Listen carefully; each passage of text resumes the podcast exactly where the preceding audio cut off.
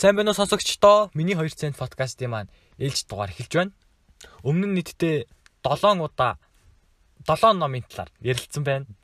Тэгээ өнөөдөр бол дараагийн ээлж дугаараараа анхны уран зохиолын ном тэгээд уран зохиолын ном мөртлөө бас хувь хүний хөгжил мэтэр уншсан хүнд бол гүн ухаарал хайрладаг ном байгаа. Дэлхийд даяар бол нийтдээ 60 сая хөв борлогдсон Пауло Коэлогийн Алхимч гэдэг ном номонд хайртай номын хорхотой хүмүүст бол энэ бол хэдийн аль хэдийн уншицсан тийм алдартай ном байгаа. Тэгээ энэ номыг бол анх танил маа надад уншихыг санал болгож ирсэн л доо өмнө жил. Анх одоо толгойд буусан зүйл анхны сэтгэл гэх юм бол нэрийг нь хараад одоо шинжлэх ухааны ном болов уу гэж тухайн үедээ бол бодогдсон. Тэр үед бол нэг тийм тиймч сонирхол татаагүй л дээ. Дараа явж байгаад тохиолдоор ч юм уу тус номтой бол учирч байгаа. Тэгээ энэ номыг уншиж үзээгүй хүн миний хилцүүлэг сонсож байгаа бол уншсандаа үнэхээр харамсааргүй ном шүү гэж хэлмээр байна. Таныг уншаад үзээсэй гэж хүсэж байна. Өмнө жилийн зомби бол нэг л удаа уншижсэн. Ганцхан удаа. Тэгээд яагаад дахиад гоё таалагдсан хамгийн дуртай ном маань хэдэж дахиад уншаагүй гэхээр 2 3 жилийн дараа ч юм уу бүр бүх үйл явдлыг мартаж байгаа дахиад уншмаар санагдсан. Бүр аюу гоё сэтгэл авч ирсэн тийм ном байгаа. Сургаал нь бүр үнэхээр амьдралын постоо болж чадсан гэж хэлмээр байна одоо бол бүхэл бүтэн хүний амьдралыг өөрчлөхөөр ямар сургамж гардаг талаар багтах нь тайлбарлая. Номоо нь бол ерөнхийдөө бол хончинхүү Сантьягогийн тухай гардаг. Түүний альваас ад бэрхшээлийг хэрхэн даван туулсан талаар өөрийн зориг болсон эрдэнсээ хэрхэн олсон талаар өгүүлдэг. Ном дээр гарсан хамгийн сонирхол татсан зүйл гэх юм бол шинэ хүмүүс азтай байдаг гинэ бид нар ингээд хоорондоо чөлөөт цагаараа ч юм уу найс нөхөдтэйгөө хөзөр тоглоно шүү дээ тий.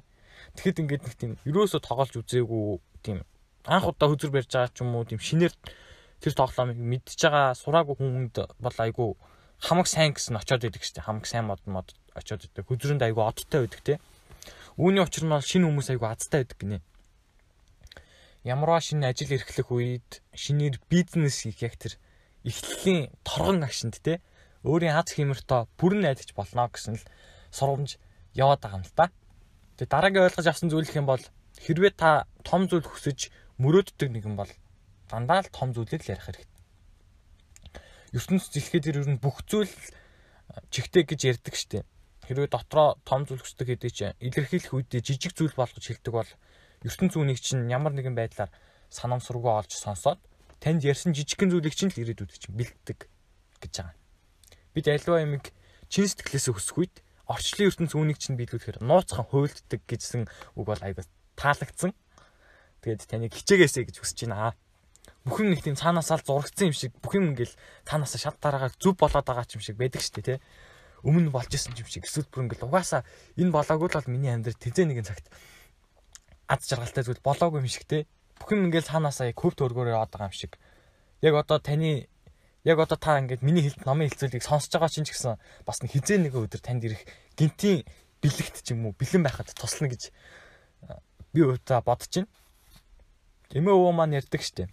Болох хөстэй юм болдгоороо болно гэж. Магадгүй амьдрал одоо танд ингээ хичээлээ заагаад ирэх нэг өдөр шалгалтаа аваад таны хүсэж мөрөөдсөн бүх зүйлийг чинь бэлэглэнэ гэдэгт би итгэж байна. Замд гарсан хүн зам нь илүү тод харагддаг те. Замдаа гарсан хүнд бол зоригтой хүнд бол дэлхийн хүртэл зам тавьж өгөхөд бэлэн байдаг гэдэг шүү дээ. Мөрөөдөлтөө итгэлгүй байсан ч хамаагүй таныг эцсийн үзээрэй гэж хүсэж байна. Ядчил тэр том мөрөөдөлтөөгөө дүүцгүүц хэмжээний том зүйл та сурах болно. Сарыг онил аллаа гэдэл одыг онох болно гэдэг үг. Мөрдлөг болгоорой гэж хүсэж байна. Тэгээ эцэст нь дүгнэлт хэлэх юм бол дэлхий дээр биднээс өөр ухаантай амтан зүйл гэж байхгүй гэж бод битгий бодоорой. Ичэд байдаг гэдэгт итгэж байгаарай маргааш юу болохыг бидний хэн ч мэдэхгүй шүү дээ. Таны хамгийн бүтэхгүй гэж бодсон хүн чинь маргааш том амжилтанд хүрсэн байж болно. Таны хамгийн найдаж явсан, итгэж авсан хүн чинь ялахгүй зүйл дээр бас ухарч сөхөрч болно. Тийм болохоор яг одоо дол амьдраарай. Ирээдүйдээ найдаарай. Ирээдүйдээ итгээрэй. Бас өнгөрснөөс суралцаж, сургамж авч яваарай. Маш сайн сонсогч байсанд баярлалаа. Өнөөдрийн бэлцүүлэг маань таалагдсан бол та юу ихээ сайн мэдчихэж байгаа манай хуудсанд subscribe дараад танд энэ бичлэг таалагдсан бол бас энэ бичлэгэн дээр зүрх зүрх гэж байхгүй шүү дээ нэрээ. Лайк дараарай гэж хүсэж байна. Баярлалаа.